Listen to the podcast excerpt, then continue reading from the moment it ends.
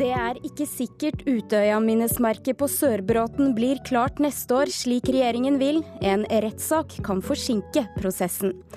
Åpningskonserten for årets The Gathering blir unik. Verdenskjente artister spiller live på scenen og i spillet Minecraft samtidig. Stavanger symfoniorkester ser til popbransjen, artist, blankpusser artistprofilen og starter eget plateselskap. Du hører på Kulturnytt, hvor vi i dag også skal se nærmere på Riksantikvarens omkamp for å bevare den omstridte Y-blokka i regjeringskvartalet. Men først til Utøya-minnesmerket på Sørbråten. En rettssak om minnestedet kan gjøre prosessen enda lengre, sier jusekspert. Kommunalminister Jan Tore Sanner kunngjorde i går at det nasjonale minnestedet for 22.07 skal legges til Sørbråten. Og det fikk naboene til å varsle rettssak. Minnestedet på Sørbråten og i regjeringskvartalet skal etableres. Beskjeden fra kommunalminister Jan Tore Sanner i går fikk naboene til minnestaden på Sørbråten til å reagere kraftig. Veldig mange av oss som bor her, har både levert innsigelser, og vi sto på brygga, var ute i båter og har både sett drepte og skadede og gjort alt vi kunne 22.07. Og føler at dette er takken, hvis man kan si det sånn. Det sa leder i Utstrandavel, Maria Holtane Berge.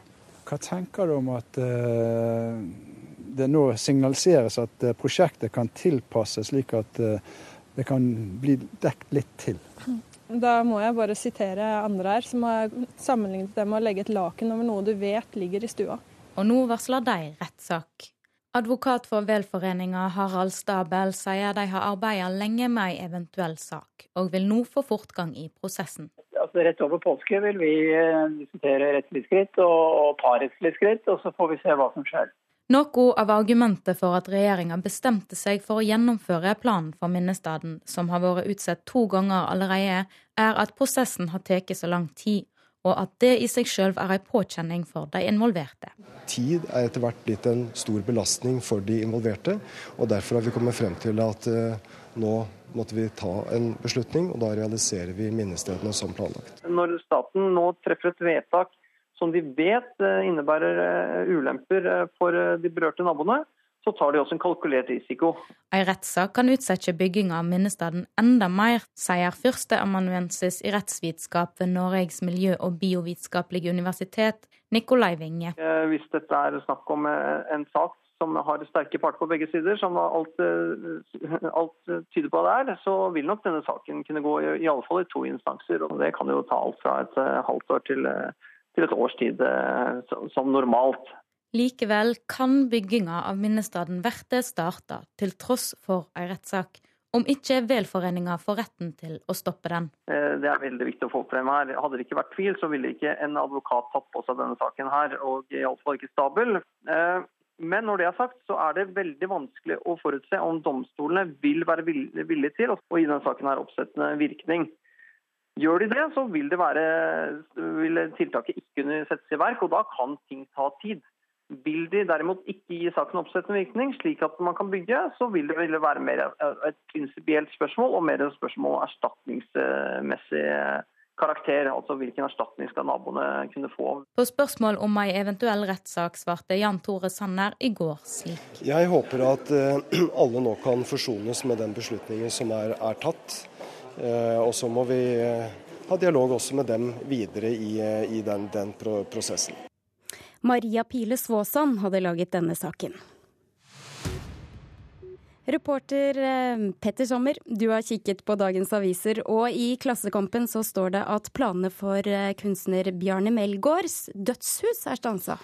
Ja, dette dødshuset er House to Die In. Det har jo vært eh, veldig mye debatt rundt det. Det er helt svart, kantet og ligner mest på noe man ser i Star Wars eller sånne stjernefilmer. Um, eh, naboene liker ikke dette huset. Det skulle reises på Ekely nær Eh, Edvard Munchs gamle bolig i Oslo. og Det området det er fredet, og naboene mener da at dette svarte huset ville ødelegge mange av motivene som vi ser i Edvard Munch sin kunst.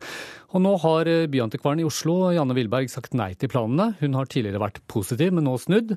Og jeg snakket med henne for noen minutter siden og spurte henne om hvorfor. Da vi åpnet opp for å vurdere dette, var det eh, på visse betingelser. Og de betingelsene de er ikke oppfylt.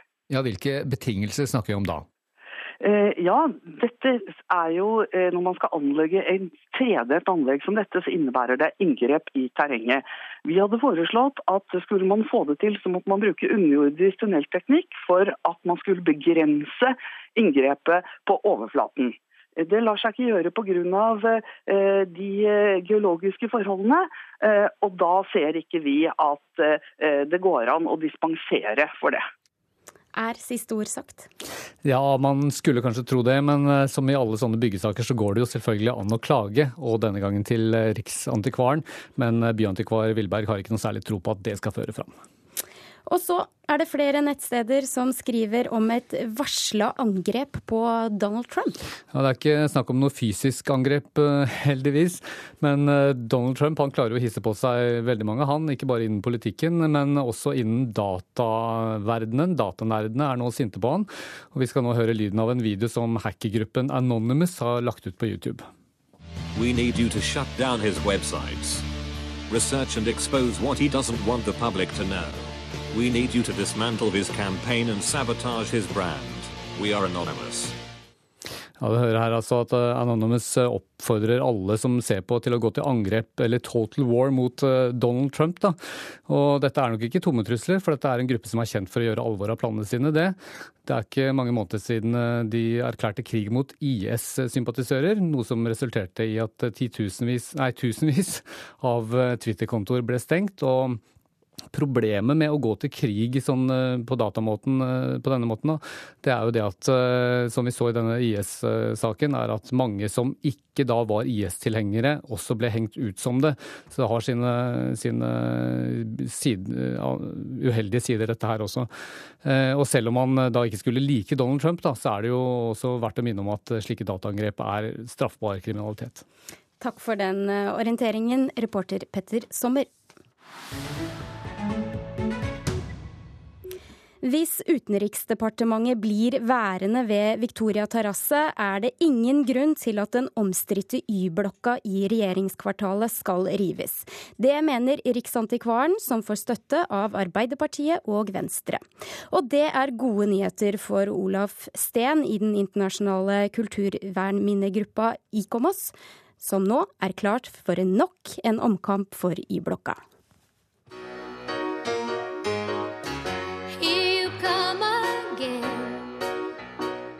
Debatten om Y-blokka i regjeringskvartalet er i gang igjen. Den karakteristiske blokka som er tegna av Erling Viksjø og utsmykka av Carl Nesjar og selveste Pablo Picasso. For dem som vil at blokka skal stå, er saken viktig. Y-blokka må stå som Norges fremste demokratiske symbol. Dette sier Olaf Steen i IKOMOS Norge. Organisasjonen jobber for vern av kulturminner og skal snart sende ut et varsel internasjonalt hvor de advarer om at et kulturminne er i fare. Bygget vekker sterke følelser i Norge, men også utenlands har interessen vært stor. Det vekker interesse fordi bygget bygningen i seg selv har så stor eh, arkitektonisk verdi. Det er et veldig sterkt symbol for, eh, for demokratiet i Norge. Den har absolutt internasjonale verdier i og med at Picasso ble invitert inn i dette Viksjø sitt enestående prosjekt. I går kveld ble det kjent at både Riksantikvaren og partier på Stortinget mener bygget må stå. Sikkerhetsgrunner og for dårlig plass dersom alle departementene skal samles, har vært argumentene mot. Ola Elvestuen i Venstre er ikke i tvil. Det er enkelt å løse opp i. Du beholder Utenriksdepartementet der det er i dag. Man beholder eh, byggene på andre siden av Akersgata. Da er det god plass rundt regjeringsblokka for å bygge et nytt regjeringskvartal og beholde Y-blokka også. Også Jan Bøhler i Arbeiderpartiet synes blokka bør få stå. Eh, den har store både arkitektoniske verdier, eh, verdier for bymiljøet. Sammen med Høyblokka så er det en helhet, sånn som regjeringskvartalet er bygd. Men regjeringen står på sitt, ifølge statssekretær i Kommunal- og moderniseringsdepartementet, Pål Shaffi. Y-blokka skal rives. Det har regjeringen besluttet, og det ligger jo fortsatt i planen. Karl Otto Ellefsen har vært rektor på Arkitekthøgskolen og med i evalueringskomiteen for regjeringskvartalet. De kom frem til at blokka burde rives. dersom man skulle gjennomføre en så stor utbygging som da var planlagt, så var det beste alternativet å rive Y-blokka og erstatte Y-blokka med et ganske sånn stort representativt parkdrag. Ellefsen tror ikke det er usannsynlig at blokka nå får bli. Altså, Jeg tror det har ligget i kortene ganske lenge nå. fordi eh, hvis vi ser på den eh, reguleringsskissa som ble lagt fram i utstilling i høst, så har jo Statsbygg plassert et annen bygning der Y-blokka sto. Men det er jo plass til Y-blokka. Altså det er en sånn enkel roklade at man bare tar ut det tårnet som står der og putter Y-blokka inn. Reporter Randi Midtskog. Hvorfor kommer dette opp nok en gang, kulturkommentator Agnes Moxnes? Ja, denne reguleringsskissen som Karl Otto Ellefsen eh, snakket om, den er nå i ferd med å bli en reguleringsplan som skal komme fra regjeringen nå denne våren, er planen. Det blir startsignalet på konkretiseringen av hvordan hele dette nye regjeringskvartalet er tenkt. Og det har jo lenge vært veldig stor enighet om at alle departementene, minus Forsvarsdepartementet, skal samles på ett sted rundt den gamle høyblokka. Eh, og begrunnelsen for det har vært sikkerhet. Men nå brekkes denne enigheten opp. Flere og flere lurer på om det er så smart rent sikkerhetsmessig å ha alt på ett sted. Og så er det for veldig mange Oslo-innbyggere særlig da, et, eh, nærmest et sånn skrekkscenario å få en gigantisk kontorby innelukket i en sikkerhetssone midt i byen.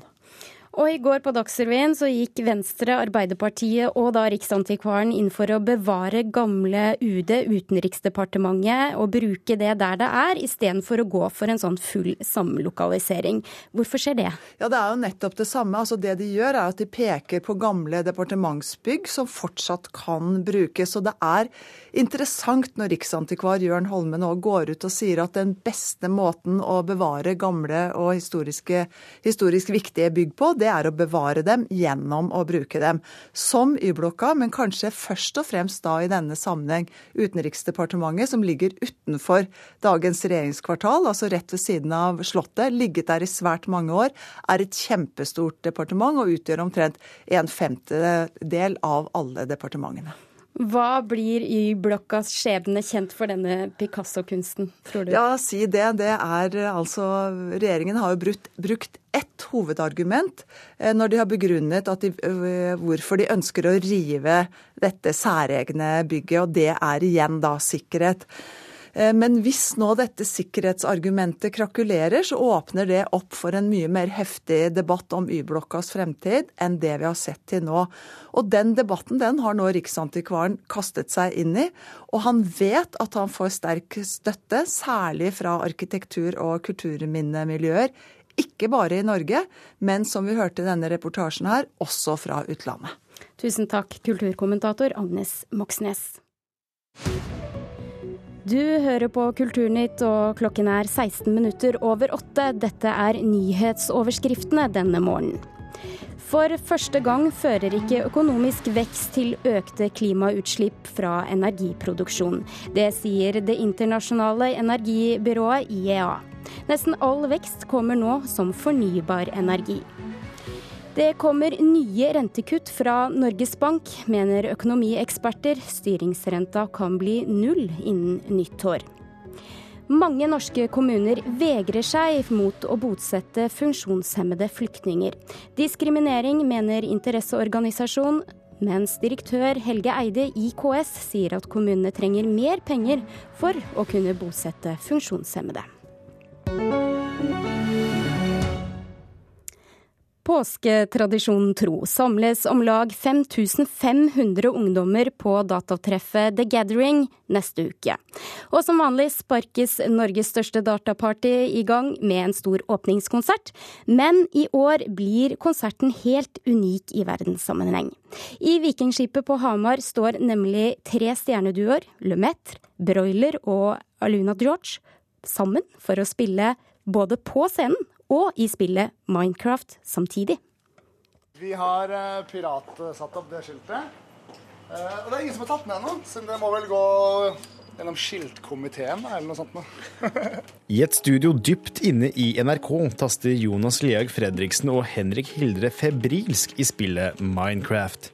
De er bedre kjent som Bye Bye og Huggen, programledere i internettshowet FlippKlipp, som mange norske ungdommer følger med på nettopp for å se dem spille dette dataspillet. Men hva er egentlig Minecraft? Minecraft er det som man etter hvert har begynt å kalle for et sandbox-spill. Så en sandkasse. Du, kan, gjøre hva du vil. Det er ikke en tydelig historie nødvendigvis. Det er et spill hvor du kan bevege deg fritt rundt. Du kan utforske en verden som er nesten like stor som vår egen verden. Eh, du kan spille med andre spillere, utforske ting med vennene dine, dra på eventyr. Du kan lage bygninger, hus, omgivelser. Systemer. Og ut ifra det fikk noen en lysende idé i forbindelse med åpningen av datatreffet The Gathering om å blande Minecraft med dette.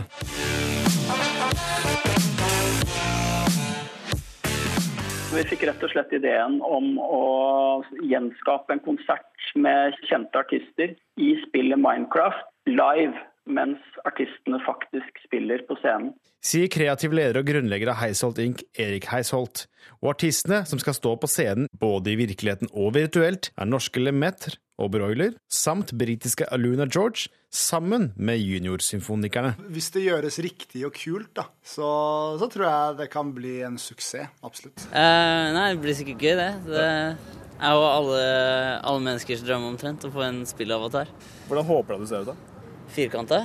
Mens bandmedlem Ulrik er i USA, møter Ketil Jansen i Lemetros midt i Oslo og forteller at han ikke vet så mye ennå om hva som kommer til å skje i Vikingskipet, men han tror han kommer til å bli positivt overrasket. Det her er ekstraordinært annerledes. Et kult arrangement, liksom. Festival for eh, datamennesker. Det er jo helt perfekt. Reporter Nikolai Volsdal. Guro Faller, underholdningsansvarlig på The Gathering. Betyr dette at alle som nå ønsker å delta på konserten, kan det gjennom eh, spill eller som eh, publikum i Vikingskipet? De kan jo både komme til Vikingskipet med enten besøksbillett, eller at de er der fra før, eller se oss live, enten i spillet eller på TV-sendingen vi sender ut. Eh, så de kan På TV-sendingen så har vi på en måte ubegrenset antall som kan sitte og se på det vi gjør live. Og så er det inne i spillet, så har på en måte serveren en makskapasitet. Så du må på en måte, som du gjør med en vanlig konsertarena, komme først i køen for å enten kjøpe billetten uten at Vi har ikke noe billettsalg her, det er gratis å være med. Men du må inn på den før det blir fullt. Da. Og hva er denne makskapasiteten? Det? det venter vi litt i spenning på å finne ut av, for det merker vi nok ikke før det kommer et trykk med alle som vil inn og se på. Men vi regner med at det blir eh, i hvert fall et par tusen. Gjermund Moastuen, markedsdirektør i Universal eh, Norge. Hva gjør at dere blir med på et sånt stunt som dette? Eh, Norge er langt framme når det kommer til konsum av digitalt, eh, altså digital underholdning. Eh, alt fra streamingtjenester til eh, film osv. Eh, dette er bare en naturlig del å være med på som en plattform for å kommunisere musikk ut. Det er der eh, publikum er, og vi er nødt til å kunne jobbe med sånne typer muligheter. Og dette her er bare kjempegøy. Ja, og hvilket publikum når dere eh, med å være med på The, the Gathering? Altså, eh, Gathering til publikum i Vikingskipet er nok ganske ungt. Eh, Guro, du kan kanskje fylle på med liksom aldersgruppa der. Ja, Men, Gjennomsnittet er 19 år. Ja. Men eh, hvis vi snakker liksom aldersgruppa for gamere, så er det faktisk eh, alt fra altså, helt ned i tre-fireårsalderen på Minecraft og helt opp til 35. Guro Faller, hvor trygge er dere på at dette vil slå an i spillverden?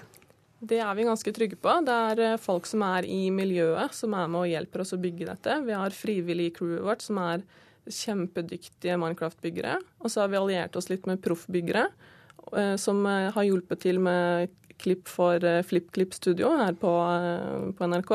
Så vi vet at vi, de vi har med oss inni på en måte, miljøet, er anerkjent av miljøet. Og det hjelper oss å dra dette i land. Hvorfor disse artistene, Moa Stund? Vi gikk rundt og spurte flere artister om de hadde lyst til å bli med. Og da var det ja fra Broiler og Lemetre og Aluna George. Og Aluna George er jo nå signet til et amerikansk label, og de ble faktisk ganske fyr og flamme. Eh, dette labelet har jobbet med denne type gaming tidligere. Og Twitch TV, som også er en stor Eh, kanal for gamere. Eh, man, eh, jobbet man med et band helt fra børjan av. Lagde et anthem. Var med i verdensmesterskap i spilling. 65 millioner deltakere i 2011. Og i dag så er Imagine Dragons godt kjent over hele verden etter, den, etter det samarbeidet. Det er første gang dette skjer, men hva ser dere for dere fremover? Du, jeg tror vi kommer til å se masse av dette her fremover. Ja. Altså dette med e-sport, gaming, musikk. Altså, nå må du stoppe opp litt. Ja. Det, er, det, er, mange begreper her som ikke jeg kjenner til, i hvert fall. Nei, eh, hvis vi snakker til den eh, kanskje yngre generasjonen, reklamebransjen, de som jobber innenfor eh, teknologi, så er e-sport en del. Altså det er gaming. Altså det er rett og slett det vi snakker om nå i dag. Dette å sitte og spille. Ja, rett og slett e-sport. Og gaming er en del av e-sport. Altså eh, det er store evenementer altså i Europa hvor det sitter deltakere som på Vikingskipet, men du har også publikum på 10 15 20 000 mennesker. Eh, dette evenementet jeg snakket om tidligere, har altså finale i Seoul, hvor det sitter 300 på matta, og så sitter det 50 000 mennesker og ser på de. Guro, har dere noen internasjonale oppskrifter som dere følger, eller er dette bare sugd helt fra så å si eget bryst? Nei, mye av det vi gjør, det finner vi på en måte, finner opp kruttet hvert år på hva vi har lyst til å, å, gjøre og skape på The Gathering. Vi har på en måte fritt spillerom på alt vi har lyst til å lage der, og hvilken underholdning vi vil gi til deltakerne våre. Så det er på en måte hvor her da, musikken møter eh, spill, spillverden og den kreative skapergleden mange av våre crewmedlemmer har så får vi til å lage helt fantastiske opplevelser, både digitalt og i den virkelige verden. Så dette er på en måte bare en start da, på hva vi kan få til. Takk for besøket, Guro Faller i The Gathering og Gjermund Moastund Moastun fra Universal.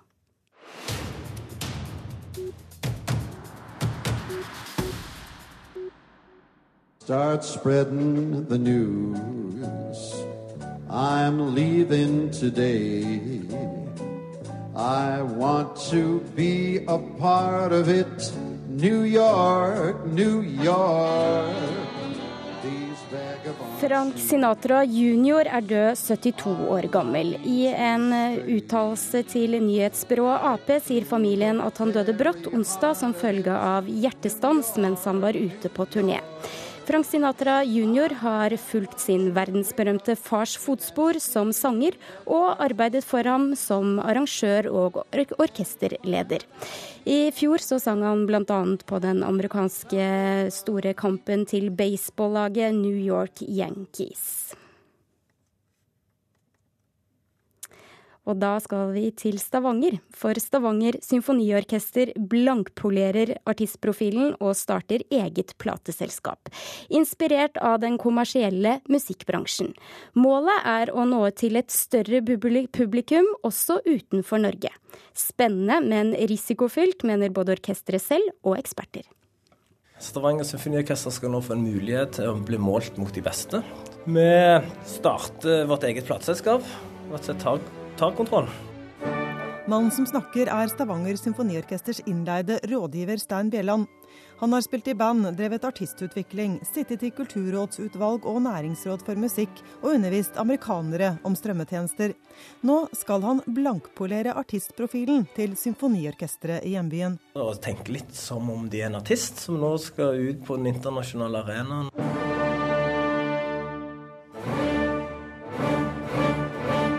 Dette er Stavanger symfoniorkester som spiller Mozarts Prag-symfoni under ledelse av Fabio Biondi. Opptakene ble gjort i forrige uke, og vil bli gitt ut på SSO Recordings, orkesterets nye plateselskap.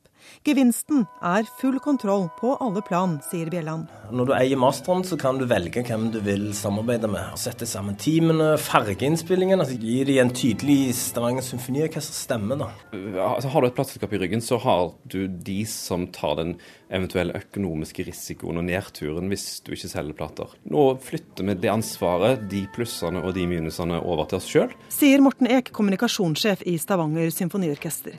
Orkesteret har fått en halv million kroner i støtte til digital satsing fra den nye kulturministeren.